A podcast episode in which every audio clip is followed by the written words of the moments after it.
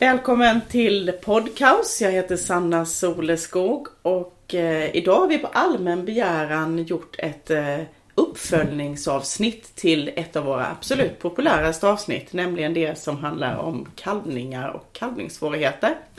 Så jag har återigen med mig veterinär August Nilsson. Du jobbar på distriktsveterinärerna och du gillar förlossningar av alla slag. Jajamensan och det är så himla roligt att vara med och prata om de här grejerna igen. Eh, mm. Förlossningar är ju som sagt fantastiskt och eh, det är verkligen trevligt att spendera sin tid med att prata om de här grejerna igen. Ja. Ja, det är roligt. Tack för att du ställer upp på det. Och vi har ju, för er som inte har lyssnat på den, så finns det ett avsnitt eh, där vi går igenom grundläggande då kring kalvning och vad man ska göra som djurägare och vad man kan be veterinären om och sådär. Och för att göra en kort sammanfattning så tror jag man kan säga att eh, du peppade djurägare till att man ska gå in och känna för att se hur läget är innan man ringer veterinären eller när man tycker att något känns knepigt. Jajamän, det ska man inte vara rädd för. Och så pratar vi lite om olika fellägen. Eh, och en gyllene regel tycker jag du sa som var så himla bra och det är när man försöker lösa en kalvning som inte går som den ska. Att man har tanken att en halvtimme håller man på med samma sak. Och funkar inte det så är det dags att byta. Ja exakt och det gäller ju alla. Både djurägare och, och veterinärer och allting. Att det ska, det ska alltid liksom hända någonting. Man ska komma mm. framåt annars får man prova. Något, eh, annat. något annat. Ja precis. Och vi gick ju där igenom en hel del olika fellägen och, och lite sådär. Och, och, vi har fått en fråga som, som gäller ett felläge är det ju egentligen. Det är ju det här när kor får tvillingar. Eh, och det där upplever man ju som ganska svårt. Eh, för de trasslar ihop sig så förtvivlat. Ja, det kan ju vara svårt. Fördelen är ju att eh, de är ju oftast mindre än om du bara får en. Så fördelen är ju att de är mindre. Nackdelen är ju att det är trängre och mindre plats där inne och eh, så egentligen så är det ju att du försöker precis som som vi pratat om innan här att innan man börjar dra och innan man börjar göra någonting så försöker man skapa sig en så god bild man kan av det här som möjligt. Så man lägger, eh, lägger lite extra tid på att känna ja, det här är ben, det är framben, okej okay, det är två stycken bredvid varandra. Man går in och känner ja, de hänger ihop en samma kalv. Där har vi den kalvens huvud och så här va. Att du, ja men går du in och känner tre, tre ben direkt så Försök mm. att känna vad hänger ihop med, med vad, framben, bakben. Det är inte helt ovanligt att du har kanske två framben eh, och ett bak, bakben då och så det mest sannolika om du har så är en lite extra stor eh, ko sådär. Du tänker men den har nog tvillingar. Så då är det ju nog tvillingar va. Och mm. eh, försöker gå in och känna så att det hänger ihop med samma kalv helt enkelt. Mm. Ja, så att man inte förväxlar menar du fram och bakben på ja. den ena kalven. Det är så himla tråkigt att komma ut som veterinär eller ja det är jättetråkigt för er lantbrukare också. Att du börjar dra så drar du i fel ben och så mm. drar du jättemycket och ingenting händer och du kan ju skada kon och de här kalvarna rätt så mycket. Va? Så att du lägger den här lilla extra fem min minuterna med att verkligen säkerställa vad som är vad. Och då är det lite så här som vi pratade om innan. Gå in med höger hand, försök att identifiera allting. Gå in med vänster hand, gå runt, snå runt. Gå verkligen runt åt alla håll och kanter. Gå in, gå in långt, gå in till... Eh, ja, så, så, du, så du vet vad det är du håller på med och drar i. För man ska helst inte dra i någonting om man är osäker på vad det är man drar i. Utan man ska, man ska vara så säker man kan på vad man håller på med. Mm. Och det är ju inte, det här är ju inte jättelätt ska man väl säga. Så att om man inte får ordning på benen så är, är det väl veterinärkontakt som gäller i alla fall. För det kan vara lite klurigt att få ut dem. Ja, det tycker jag. Blir, blir man osäker eh, så är det alltid bättre att, att ringa eh, innan man Innan man håller på för mycket och för länge där och, och eh, som, som sagt att man kanske har den här halvtimmesregeln i, i, i bakhuvudet också då. Att man, man kan väl ja, försöka gå in och identifiera, prova, men verkar det här vara rätt eller inte? Och nej, nu drar jag här, det händer ingenting. Och istället för att bara dra och dra och dra så är det absolut bättre att försöka få fatt i en veterinär som kan hjälp, hjälpa till. Som förhoppningsvis har eh, lite mer erfarenhet av de här grejerna. Mm. Och när man, jag tänker på det när man eh, ringer ut en veterinär. Det kan man ju göra för att eh, Ja, för att man inte lyckas trassla loss de här tvillingarna eller man vet inte vad det är man har fått upp för ben så man vet inte riktigt vad det är man håller på med. Vad är det egentligen som en veterinär kan hjälpa dig med som lantbrukare när du har en svår kalvning? Vad är det ni har liksom i verktygslådan? Ja, det var ju absolut eh, trevligt att prata om det. Det var någonting jag funderade på förra gången. En grej som jag inte tog, tog upp då är ju att vi ofta har med oss eh, en, en pump då. Och, eh, så vi kan pump, pumpa in då också om vi har eh, kanske en, en, en torr eh, li, livmoder. Så pump, pumpar vi in eh, några liter vatten, ljummet vatten utblandat med glidslem. Någonting som verkligen kan göra stor skillnad. Och där hade vi lite de här fellägena vi pratade om sist. Vi hade bakåtslagna huvuden och vi mm. hade vi hade olika former av, av, av knas. Och mm. eh, då gör det jättestor skillnad om du kan få, in lite mer vät, vätska. Så, så det är lättare att flytta runt kalven. Den kan ändra position lite grann. Så det är verkligen någonting eh, som är bra som, som, som vi har. Sen... Eh, Erfarenhet förstås kan man ja. ha mer av och liksom ha varit erfarenhet. Förhoppningsvis långa, ja. långa arm, armar då. Men det har man ju de armarna som man har. Ja. Det är nog ofta vanligare att lantbrukarna har längre mm. armar än vad veterinärerna har. Då kan man ju hjälpas åt. Ja, det får man göra. Och mm. det tycker jag det är något man inte ska vara rädd för som, som veterinär. Och be om lite. Men jag ser att du har längre armar än vad jag har. Och så går, berättar man precis mm. vad det är man ska känna och gå in och, och ta liksom här och så. Jag vet att många veterinärer är duktiga på det. Och sen finns det nog de som kanske kan tänka en gång till på att försöka, försöka ta hjälp av eh, sin lantbrukare och, och, och, så. Och då handlar det ju lite om att, det, ja, att man går in he, hela vägen och att man liksom berättar vad det är man, mm. åt vilket håll ska jag gå och så här. Mm. Ja det är ju fiffigt förstås. Jag tänker vi pratar mycket om kalvningar och så. En annan fråga jag har fått är det här att när man startar en kalvning, alltså när en ko går över. En ko kan ju gå över väldigt mycket, alltså från för lång dräktighet så. Är det liksom anledning att starta en kalvning eller vill man att det ska börja själv? Och, I vilka lägen överväger ja, man det? Ja, det kan det vara ibland. Det finns ju vissa tillstånd när kon bara fortsätter att gå, gå över och gå över och får då extremt stora kalv, kalvar och, och, och så ju. Ehm, mm. Det kan ju vara en, eh, ett läge att spruta igång. Där är ju också såklart kejsarsnittet att man börjar fundera på det. Mm. Sen eh, när det gäller att starta, eh, spruta igång kalvningar, det kan man göra. Det finns ju vissa nackdelar med det då. Då sprutar man ju eh, prostaglandin som eh, bryter ner, eh, börjar bryta ner gulkroppen i äggstocken som då sätter igång förlossningen i sin tur. Det, det, gör ju att den kommer kalva inom några dagar förmodligen. Sen behöver man ofta ge kortison också. Kortison är ju väldigt likt kortisol som är kons eget stresshormon. Och det är ju någonting som kalven ska utsöndra när, när den är redo eh, mm. för en, en förlossning. Eh, det är något kalven utsöndrar också om den kanske blir, blir sjuk eller no, no, något annat som gör att kon kommer liksom kasta då och, mm. och få ut kalven. Och det kortisonet i sig också, det ska man inte glömma bort. För det är någonting som utvecklar kalvens lungor. Så det är någonting man gärna ska, ska mm. spruta eh, kon med i samband med att man eh, försöker spruta igång eh, förlossningen. Sen mm är det väl för, för, för, förknippat med fler risker. Att kon är ju inte riktigt redo då.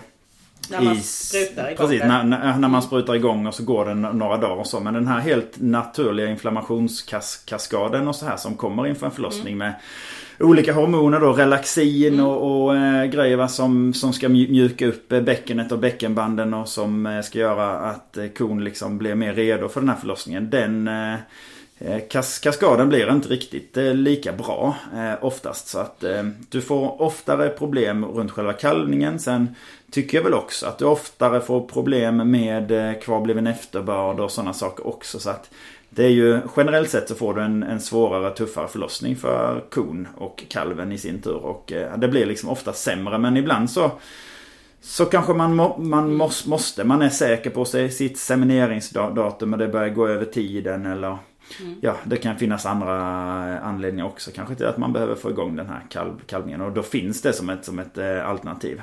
Mm. Sen när vi pratar om den där verktygslådan eh, mm. igen då, förutom pumpen och det här då som jag inte tog upp förra gången så pratade jag lite om eh, ögonkrokar. Mm. Sen finns det ju eh, en slags, eh, den kallas för eh, nu, eh, med, ursäkta för ut, uttalet, eh, som är som en liten timmersax.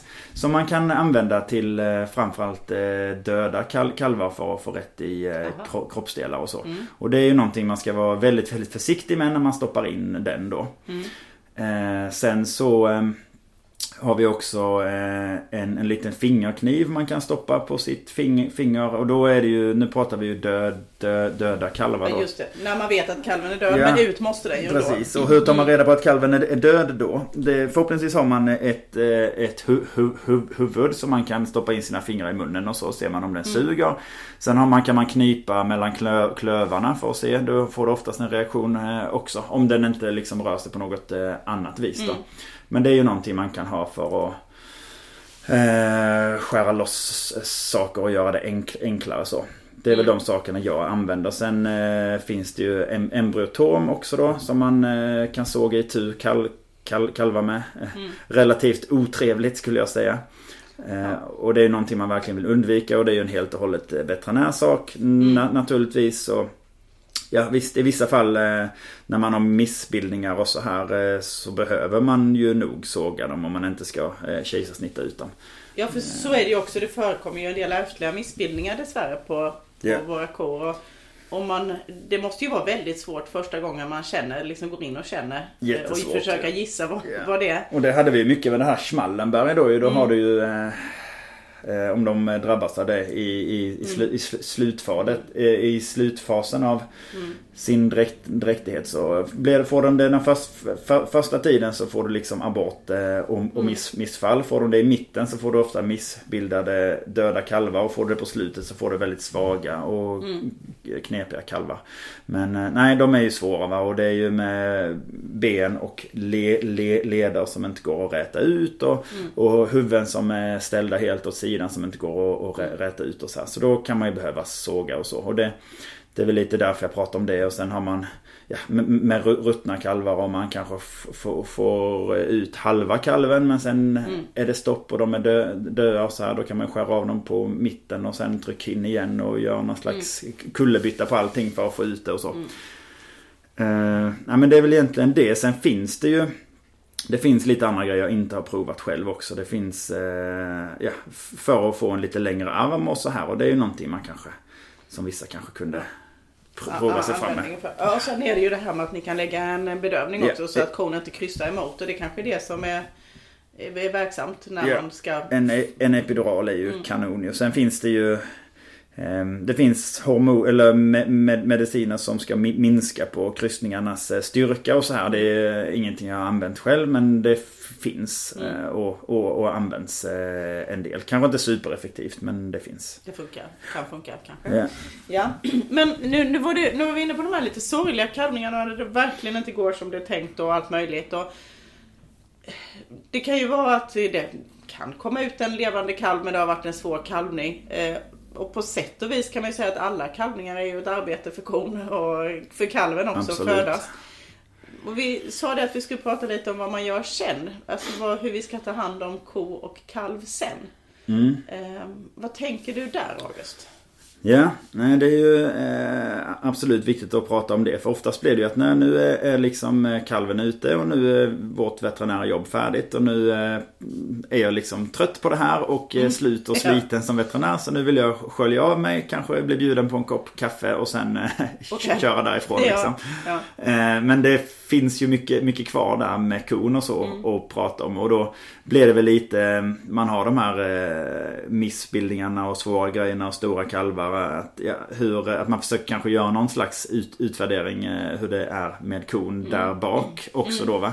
Det är väl väldigt sällan eh, att man akut eh, försöker göra lite plast, plast, plastik och så. Att man syr, syr igen liksom själva blygdlämpar och, och sånt bak. Men det är väl någonting man kan tänka sig. Och sy inne i vagina och så är någonting som är väldigt svårt. Och det ju- vet jag inte att det finns någon som, som gör liksom. Men det blev väl ja, det var väldigt, eh, det blev väldigt trasigt det här. Det här är kanske någonting vi ska kika på vid senare tillfälle och så va. Och det...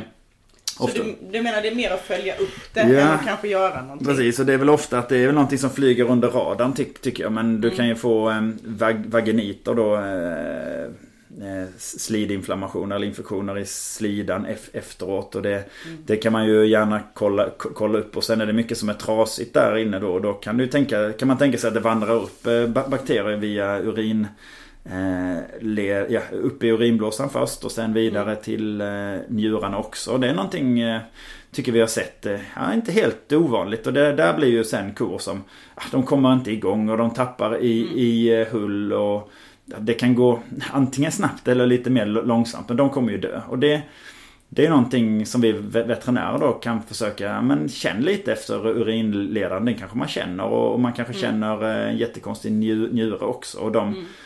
Plockar man upp de här eh, fallen då, man har sett några stycken och sen har man det i bak, bakhuvudet hela tiden, eh, njurbäckeninflammation, så kan man faktiskt rädda livet på några kor eh, ibland. Och det är ju jätte, jättekul. Det är det ju förstås. Och då gäller det ju att man som djurägare eller djurskötare är uppmärksam på att se förstås hur de mår och yeah. om det verkar läka bra och, sådär och hur de mår det. Precis. Med sin veterinär. Mm. Mm. Nej, så det är väl det och sen ta hand om, om kon mer. Sen är det ju jätte, jätteviktigt här. Eh, en svår kalvning och det, det gäller ju förlossningar eh, rent generellt då naturligtvis oavsett djurslag och eh, där kommer man in lite med det här med liksom sina egna erfarenheter från förlossningar och så. Att det är ju att väts, vätska upp. Att, att patienten dricker då. Och det är ju eh, ofta mannens upp, uppgift under, under förlossningen att se, se till att eh, ens, ens kvinna då eh, dricker. Och det blir sam, samma sak här, att det är lantbrukarens uppgift att se, se till att den här kon får i sig vatten. Och eh, då ligger hon där, eh, supersvår kalvning, hon har ont, det är jättejobbigt jobb, allting. Är veterinären där kanske man ger lite, lite smärtlindring då ju. Eh, mm. Absolut, det ska hon ju ha. Men att man ser, ser till att den här kon får i sig vatten på, på, på, något, på något vis. Och då menar ju inte du att det räcker med att sätta fram en vattenhink? Nej, då, då så ser hon den här vattenhinken och säger ja, ja, så skiter hon i det va. Och det finns ju Någonting som eh, har kommit lite på senare tid som en del mjölkbönder använder att man har något sånt där jätte, jättegott pulver man bland, blandar i eh, vattnet som gör att de dricker upp det och sen blir de törstiga av det och så mm. dricker de ännu mer. Det är någonting man ska få inom de första timmarna och det det verkar vara jätte, jättebra eh, om de dricker det. För det är ju inte säkert att de gör det ändå. Då kan man ju alltid pumpa i, i, i dem det. Och mm. sett väldigt goda resultat på vissa gårdar när de har börjat pumpa Eh, antingen utvalda kor efter kalvning som har haft det extra svårt eller att de pumpar eh, alla kor då. Men ja, 20, 30, 40 liter vatten för eh, vommen rymmer ju eh, upp till 200 liter. Mm. Så 30-40 eh, liter är ju jättebra. Och då pratar vi om, det är ju en eh, speciell vompump. Den är ju inte Precis. särskilt svår att använda. Så Nej. har man aldrig gjort det innan så är det väl bara be sin veterinär eller någon som kan och, och visa den. Absolut. Så det är ju, mm. Du kan köpa den av veterinär och du kan köpa det på andra ställen. Och här får jag väl då säga eh, att eh, Select har en väldigt bra vompump ja. som jag, re jag rekommenderar. Ja. Och jag brukar försöka ja. låta bli att prata varumärken och så. Men här, den är verkligen jättebra. Så den ska man som mjölkbonde och liksom lite så här så ska man ju ha en sån. Som köttbonde kanske det är lite overkill så. Men jag tror också ibland att du har liksom Eh, gru gruppkalvningsboxar du, och, och du har eh, svåra förlossningar. Du har mycket djur där i och du har en, ett jättestort vattenkar mm. någonstans i något hörn. Och den här kon för det första åker hon knappt upp och för det andra så står det någon eh, mm. elak madam och vaktar det här vattenkaret. Mm. Så hon kommer inte dit och dricker. Och då var det lite kul som Thomas Manske pratade om här nu med, med eh, det var kalciumavsnitt. om kalciumavsnittet som ja. var väldigt bra och givande på många sätt. Då pratade han att eh, om, om en ko inte Eh, dricker ordentligt eh, runt kalvningar eller hon blir uttorkad rent generellt då blir hon eh, basisk i blodet och då kommer inte kalkpumpen och kalkbalansen igång. Så där har man ju man sett väldigt goda resultat just med kalvförlamningar och så här. Man ser till att korna inte är uttorkade runt kalvning. Jätte, jätteviktigt. Och det, ja, det är verkligen någonting jag har tagit med mig själv från så här förlossningar och sånt där också. Att eh, det här att det, det är inte det första den här kon eller kvinnor tänker på när de har fött barn. Att de behöver dricka en massa. Men det behöver man för man tappar ju vätska i Um, är liksom med fostervätskor och ofta blod och alltihopa så en, en eh, uttorkning eh, det får man nog nästan alltid. Så de ska ha vatten eh, på något vis. Det får man se, se till. Det är faktiskt eh, djurägarens ansvar att se till att eh, alla djur har tillgång till och dricker eh, det, ordentligt. Jag kan ju bara hålla med. Jag tycker för övrigt att en, en vompump, jag gillar också den sorten, är en bra investering för alla som har kanske mer än 10 dikor i alla fall när man har behov av den så gör den ju underverk av att kunna vätska upp en ko. Eh, jag tänker att det faktiskt har en beteendebit i det där för att kor som har kalvat tanken är ju att de ska gå tillbaka till flocken och dricka med flocken.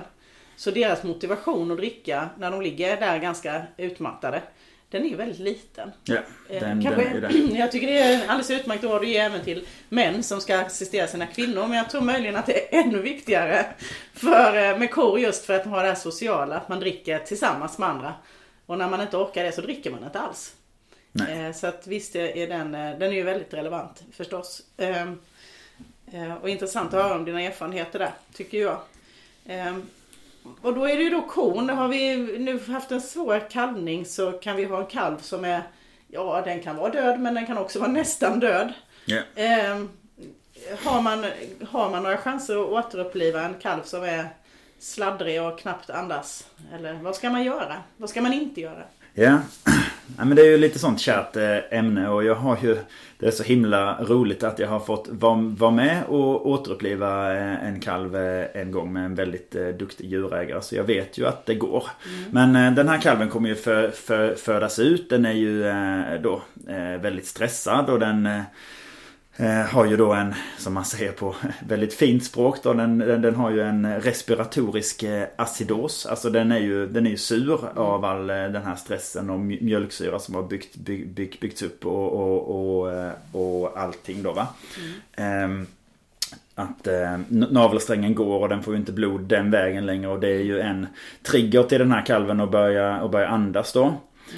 Ehm, och då blir det ju oftast att en nyfödd kalv ligger ju ofta och hyperventilerar lite och då eh, fixar den ju till den här ehm, att den är sur för då eh, an- andas den in och då kommer den här pH-balansen och eh, fixar till sig lite grann i alla fall. Eh, så det behöver den ju göra. Så den behöver ju komma igång och andas. Och det bästa tipset är väl det här med att försöka få ut, lägga den i återhämtningspositionen eh, på bröstet då. Få upp eh, ben, bakbenen un, under den. Lite nedförsbacke. Inte hålla på och eh, hålla i bakbenen som sagt. För det, ja, det är jätte, kan man ju tänka sig själv. Hur lätt är det att andas om någon håller, om man är kalv och någon håller man- i, i bakbenen. Då trycker ju alla bukorganen organen på l- lungorna. Det är ju omöjligt liksom. Ja. Nej, så det slutar vi med bara. Tyvärr höll jag på att säga. För det är väl kul att lyfta kalvar i sina, i sina bak, onekligen. Ja. Ja. men det är, det är bara, bara dumt. Det Mm. fyller ingen plats eh, alls. Så är det. Och eh, sen är det att försöka tömma då på lite slem. Få ut det med, med rena fingrar helst ur eh, näsa och mun. Och sen stoppa in ett halmstrå i munnen och kitt, kittla runt där lite. Det är en väldigt bra trigger till att de ska börja andas. Och vi pratade lite om de här tipsen förra gången också. Eh, ha, och så händer det ingenting då. Hä? Och så känner man lite på hjärtat då. Ja, det går ju i... Eh, först så slår det ju väldigt snabbt och, och kraftfullt då för att eh, kroppen skriker ju efter syre och eh, blod. Och sen kommer det bli lugnare och lugnare det här hjärtslagen och sen kanske de upphör helt. Om man har otur. Och, och kommer det inte igång då, det går då. Eh, och eh, göra konstgjord andning till den här kalven i ett liksom lite ti- tidigare stadie då. Man kan ju tänka sig att man eh, intuberar den men det kan vi också tänka sig att det kommer vi inte göra för vi har inte med oss någon, någon liksom sond till att stoppa ner. Nej, så då släpper vi det. Och så eh, finns det beskrivet att man antingen lägger den på ena sidan eller på, i den här återhämtningspositionen. Och jag tycker väl återhämtningspositionen, även om det kanske blir svårare att suga in i eller och blåsa in i eh, näsborren då. Då håller man för den ena näsborren, man ser till att munnen är stängd. Och sen så försöker man eh, och liksom vinkla kalvens huvud bakåt. Och det blir ju, det blir ju lite naturligt om den ligger i återhämtningspositionen och så in, med huvudet i nedförsbacke så är ju huvudet lutat bakåt. Ligger den på sidan ser man till att luta huvudet bakåt. Och det här ökar då chansen att man får ner luften i lungorna och inte i magsäcken. För att då tar man huvudet bakåt så snörper man av eh, mat eller fod, foderstrupen då. Och sen så eh, andas man ner här i lung, lungorna. Ser så att eh, bröstkorgen lyft, lyft, lyfts upp. Och det är ja, men ett, ett andetag typ så liks- liksom. Och då får man ju ner eh, syre och så i den här eh, bröst, bröstkorgen. Och lu, lu, lu, lung, lung, lungorna har en viss effekt med att kanske öpp, öppna upp de här al, al, alveolerna och eh, lungvävnaden och så också. Och eh, förhoppningsvis så ska de ju komma igång på det här. Ja. Sen eh, finns det ju som eh, just i det här fallet som jag själv var, var med också. Eh, Det var ju väldigt häftigt att se. De blev med, medvetslösa.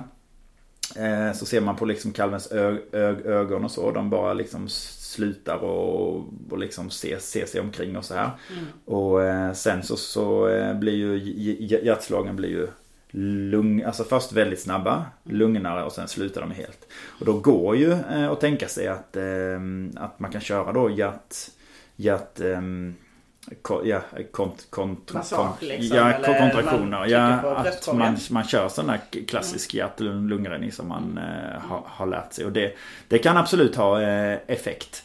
Och det, det, det skadar ju inte att prova. Nej. För vad är det värsta som, som kan hända? Det, det, är ju att det inte händer no någonting. Nej. Och det kommer, ju, det kommer du göra om du inte gör någonting. Ja. Och det går att återuppliva kalvar. Och det är så himla häftigt om man kan lyckas med det. Sen då när den här kalven är återupplivad. Den behöver ju omsorg och kärlek. Och den behöver sondas i råmjölk. Och den behöver verkligen tas om hand på alla sätt och vis. Men bara, jag vill bara säga det, ge inte upp och det är ju helt fantastiskt när man lyckas. Mm. Det är så himla härligt.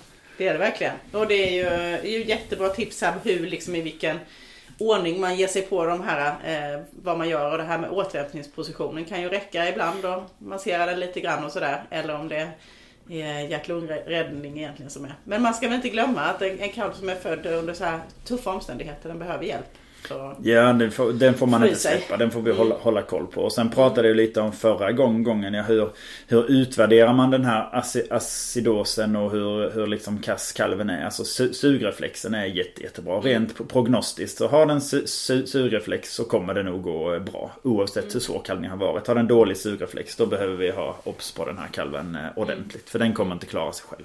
Nej, nej. och då vet man ju det också. Yeah. Att det är dåliga förutsättningar. Ja men det är jätteintressant. Sen kan ju kalvar ibland födas med ben som inte riktigt ser ut som de ska.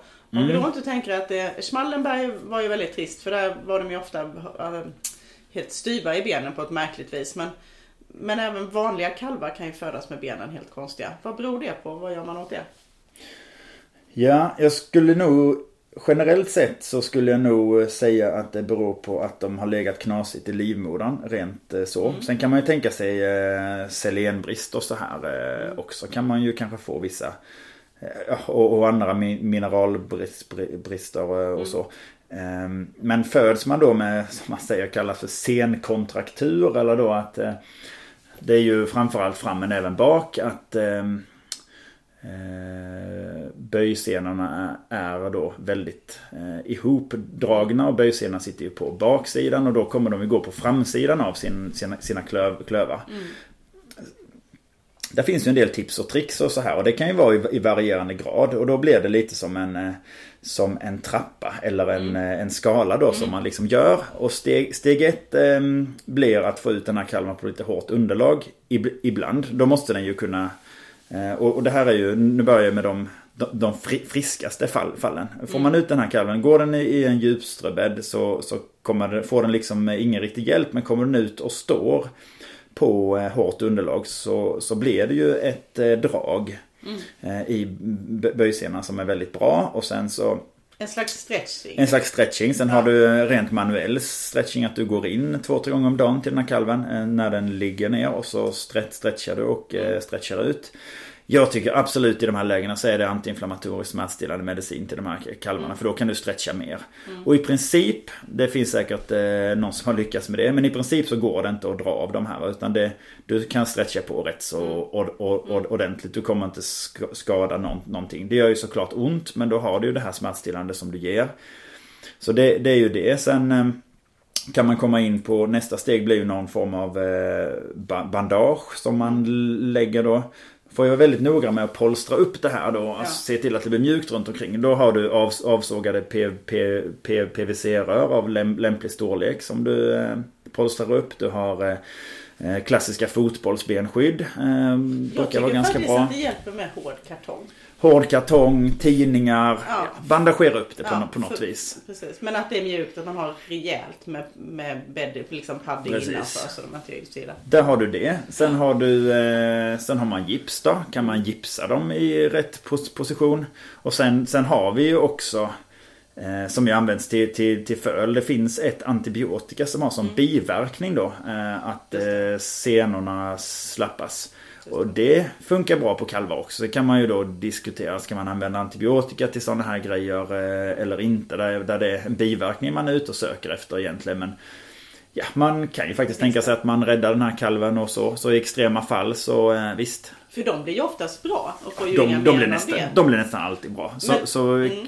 knasiga ben så länge det inte är allt för knasigt. De blir alltid bra liksom. Eh, Ge, ge, ge det tid, eh, omsorg och kärlek så blir det alltid bra. Men däremot så om man har många så kan man fundera på mineraler och spåra. Ja, då är det nog något knasigt. För det ska det verkligen inte vara. Nej. Och sen, ja, sen har vi ju ben, benbrott och så här att kon kanske då trampar och bryter benet. Och, eh, det är väl absolut ingenting som man pratar om. Man skulle kunna tänka sig att eh, någon någon gång har, skulle lyckas bryta benet under tiden man drar ut kal, kal, kalven. Och det är ju Det gäller väl att utvärdera där tänker jag också Ja. liksom. Och då, eh, då finns det en del bönder som fortfarande då tror så att ja, men en kalv som har brutit benet, det är bara att skjuta eh, direkt. Liksom. Det kommer ju aldrig klara sig. Jo, men det, det blir nästan alltid bra. Det, då ringer man ut sin, sin vet- veterinär och så lägger man eh, ett gips. Och jag föredrar att lägga lite, lite, lite polstring, ett klassiskt eh, gips av gips och sen ett plastgips eh, ov- ovanpå det. Då får man, eh, får man liksom fördelar ifrån allt. Så det tycker jag funkar väldigt bra.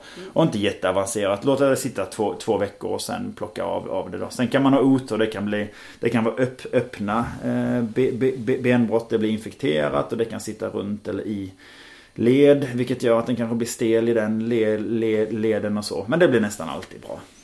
Ja, men det kan jag bara skriva under på. Också goda erfarenheter av att eh, man tänkte att det var kört men det blev alldeles utmärkt. Och på väldigt kort tid. Ja. Liksom. Och- De och- läker snabbt. Absolut. Och sen pratar vi då även på lårbenet och överarmsbenet där man fick lära sig på skolan att det går inte. Eh, jo men det går faktiskt ibland. Så det är absolut värt att, att prova. Det är, det är svårt. Det är mycket svårare. Men på en nyfödd liten kalv, det kan gå. Ja. Eh, Så jag blev Du ganska... är alltid så optimistisk. Krävs det, det krävs, Ja. krävdes en viss ö, ö, ö, Ja. övertalning av mig och f- Ja. f- ja, av eh, de här la- lan- lantbrukarna för att få mig att prova. För jag sa att det går inte. Men det gick. Ja, det är ju Eh. Så det är jättekul. Jo men det, det går. Det är väldigt mycket som går. Ja, och som sagt på en liten kalv det läker fort och är den bara eh, smärtlindrad ordentligt så Ja. kan det funka. Precis, så får man hålla koll då. Så det är klart att ibland skiter det sig och så är det ju med allt. Men eh, att hålla koll på den här kalven så, så kommer det nog klara sig. Men nu har vi pratat om hur man tar hand om en ko och man tar hand om en kalv efter kalvning och, och det här med vätska och sådär. Men så nämnde du ju det här uttrycket när det skiter sig och ett sätt som det kan skita sig på det är ju det som på östgötska, jag tycker det är ett underbart uttryck, det är när, man, när hela kalvhuset kommer ut. Ja precis, det, det är När fint. livmodern ramlar ut. Ja. Eh, det är ju verkligen äckligt. Men va, va, varför blir det så? Vad gör vi åt det och hur ser prognosen ut? Ja, det finns väl lite olika anledningar kan man säga på... Ja, det händer ju både på kvigor och äldre kor.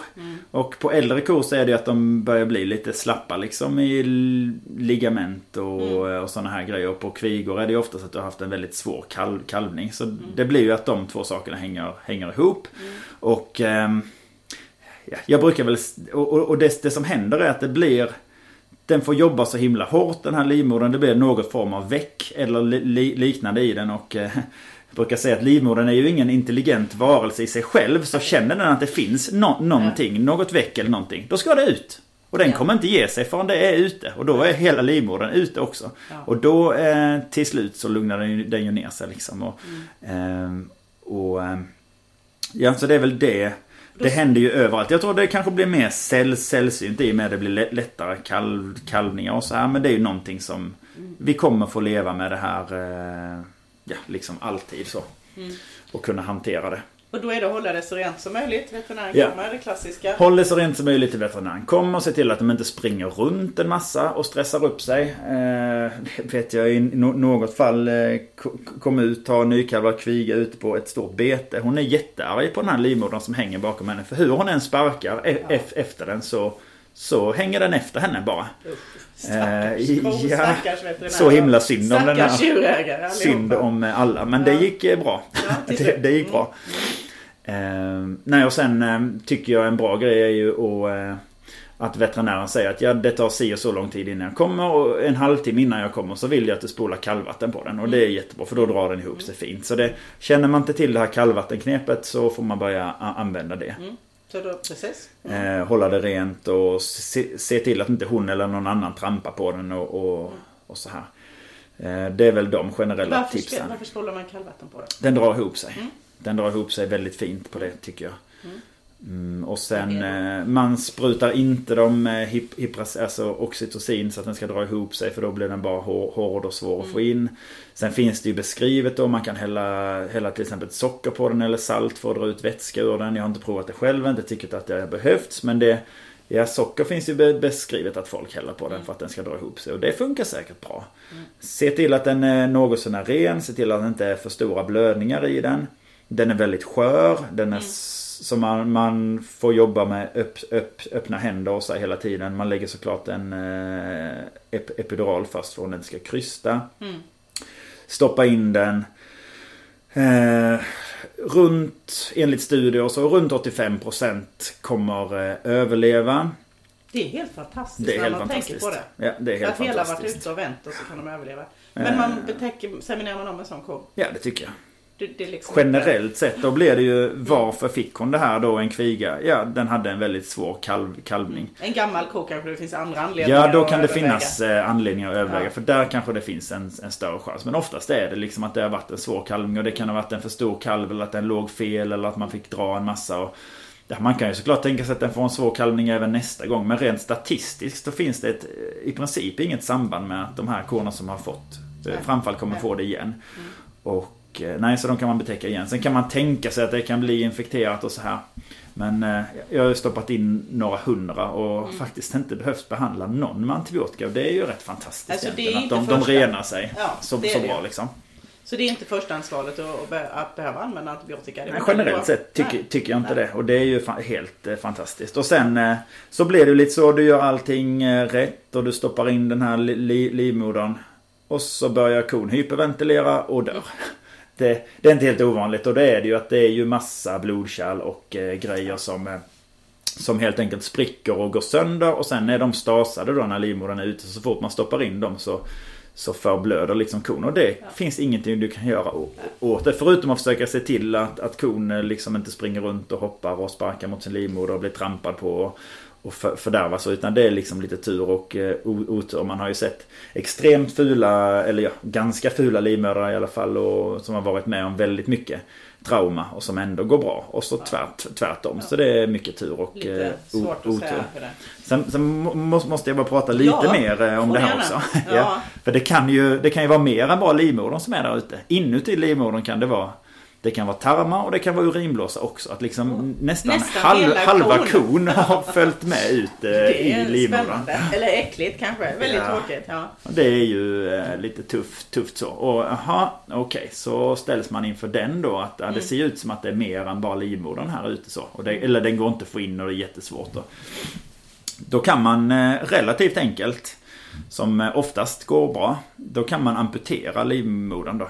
Och det är nog något alternativ som vi ibland, vi veterinärer, skulle kanske använda mer. Jag Men du menar man tar bort livmodern då är det lättare att få in det andra som inte ska Ja, precis. Då, mm. då gör det ju så här att ja men du håller på där och försöker och du känner att det är så mycket motstånd och det går inte, jag får inte in den här. Eller den är väldigt smutsig och ful eller den är trampad mm. på, den är liksom det här. Kon kommer nog eh, dö om jag stoppar in den eller den här livmodern kommer ändå inte funka sen. Eller, ja. Eller, Nej, så. man har redan bestämt sig för att kon ja. inte ska vara med mer. Precis, och då eh, öppnar man liksom upp den delen av livmodern som är eh, ute och ser vad som finns där inne. Och då kan det som sagt vara urinblåsa och tarmar och grejer. Och då stoppar du ganska enkelt via eh, livmodern då.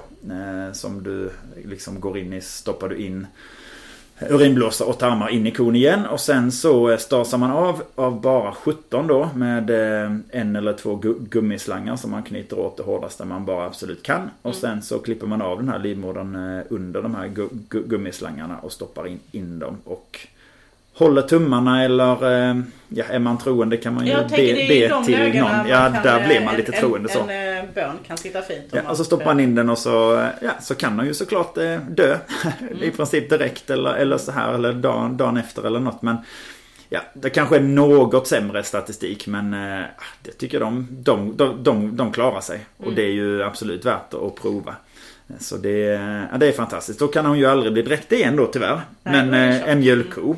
Jag vet i något fall mjölka två och ett halvt Ja. år eh, och så här. Alltså det, det Ja, är men fantastiskt. Så har vi ju konstaterat det tror jag innan också att, att om man går från vad kadaverkostnaden är eller att skicka en ko som man måste avliva 3 500 cirka mot slaktpris på kanske mellan 15 och eller säg 10 och 20 för att göra det brett. Så har man ju ganska mycket värt av att bara kunna skicka kon till slakt. Ja, man har ju Ja, väldigt svårt att se att eh, den kalkylen inte skulle gå ihop sig om man tar eh, liksom sta statistiken på hur stor chans det är att den kommer gör bli den ju eh, inte bra. det förstås. Nej, Men det är, ju så klart. Men livet. skulle du ha Ja, liksom är 10 livet. ett visst Det är statistiskt underlag så kommer det ju att Det är gå bättre bra. än, Liksom. bättre än Bingolotto Ja, definitivt. Eller att köpa en triss. Ja. Så, ja. Nej men det är också Så är det. spännande att se. Sen bara för att vi är ju lite nu när, det här, när den här podden sänds första gången så närmar vi oss ju eh, kalvningssäsongen för många dikor eller är redan i den. Och, och då har vi ett annat tråkigt framfall som förekommer en del. Det gör det ju på mjölkkor också. Eh, men då kanske lite vanligare. Och det är slidframfall och det ser man ju innan kalvning typiskt sett. Precis. När, när korna ligger ner så är det något som sticker ut eller vad man ska säga. Precis, typiskt sett eh, innan kalvning man kan tänka sig eh, Tänka sig det kanske efter, efter också men, men typiskt sett är, är, är det ju så och du har ju en Hormonpåverkan de, delvis som kan göra det. Sen har du liksom att du är slapp eh, i eh, ligamenten runt va, vagina och, och så då som gör att det liksom eh, släpper. Och det finns ju en stark ärftlig komponent. Den kan ju vara ärvd på mödernet och på fädernet då. Mm. Och det är ju viktigt att säga det därför att det jobbar man ju på att, att det ja. En ko som själv har haft slidframfall ska ju man vara väldigt tveksam De till. ska du plocka bort och du ska försöka Ja. få bort. Du ska försöka tänka igenom ordentligt. Vad har jag för eh, släktskap på den här kon med andra kor? Är det så att man har samma tjur till exempel? Det är ju verkligen inte bra. Då ska man verkligen Nej. se, se, se över.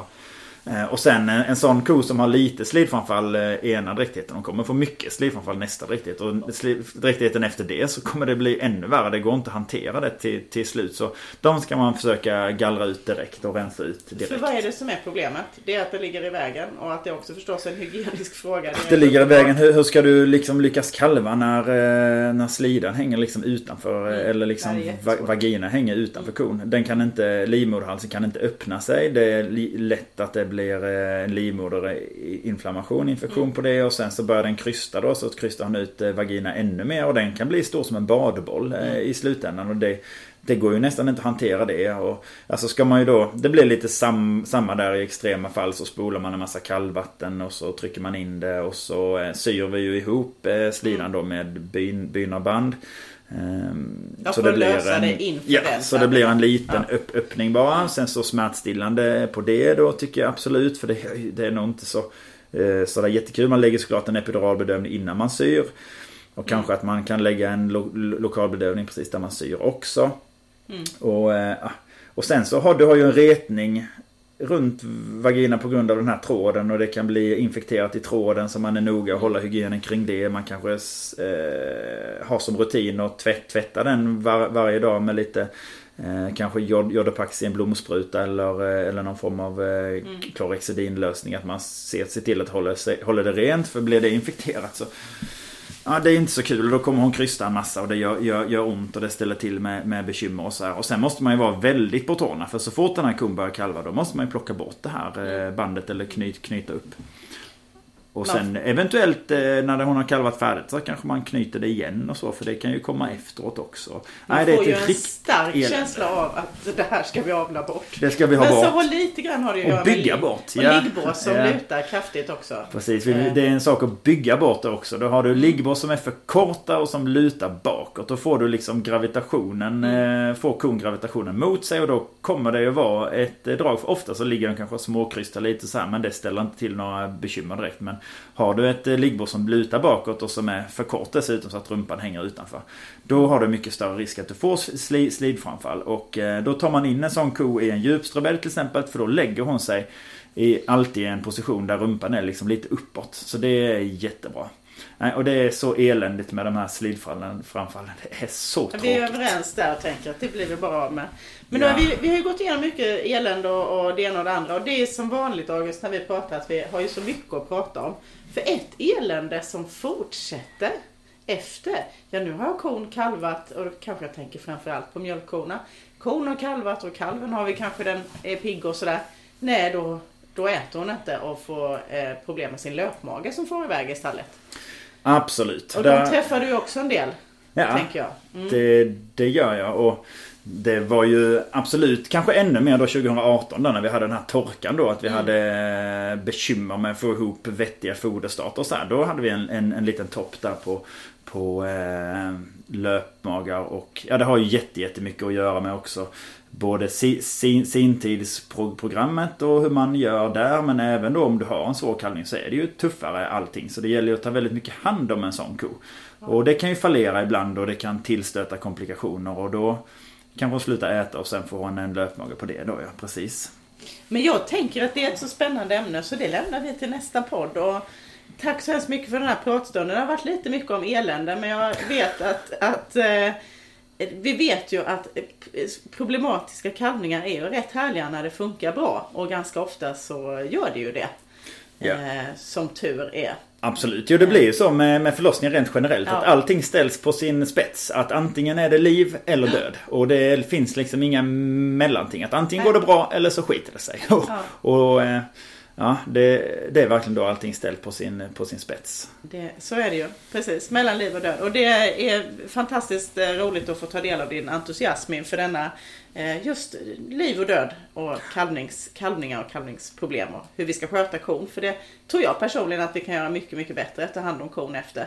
Det är ju där Absolut. laktationen börjar. Det, det är där liksom allting ska vara Ja, rätt. där måste det funka. För det Ja. är sån stor omställning för kon. Det är Ja. väldigt tufft. Även om den bara kommer ut. Sen bara som en liten, liten Ja. eh, parentes så får jag skjuta in här också. Eh, När jag satt och jobbade lite med det här äm- ämnet då så läste jag ju på om de fallen när kalven, eh, det är kanske en lite enklare form av förlossning. Kalven föds i sina hin, hin, Ja. Mm. hinnor. Varför kommer den inte igång? Var, var, varför skiter det sig då? Och då blir det ju så att eh, delvis så, så snaps ju eh, ju eh, navelsträngen av eller den går av, den brister. Det är ju ett eh, tecken till kalven att nu ska jag komma igång och börja andas. Men sen så har den ju även en eh, dykreflex då. Som ju, ja det har ju våra barn också. Att då eh, andas de inte in utan de eh, kniper i, i, ihop för att inte drunkna. Och skulle den i den här säcken börja andas då och dra in massa fos, fostervätska då kommer den ju dö. Nej men så då ligger den i den här säcken och så tar den inga andetag och så kommer den helt enkelt att dö.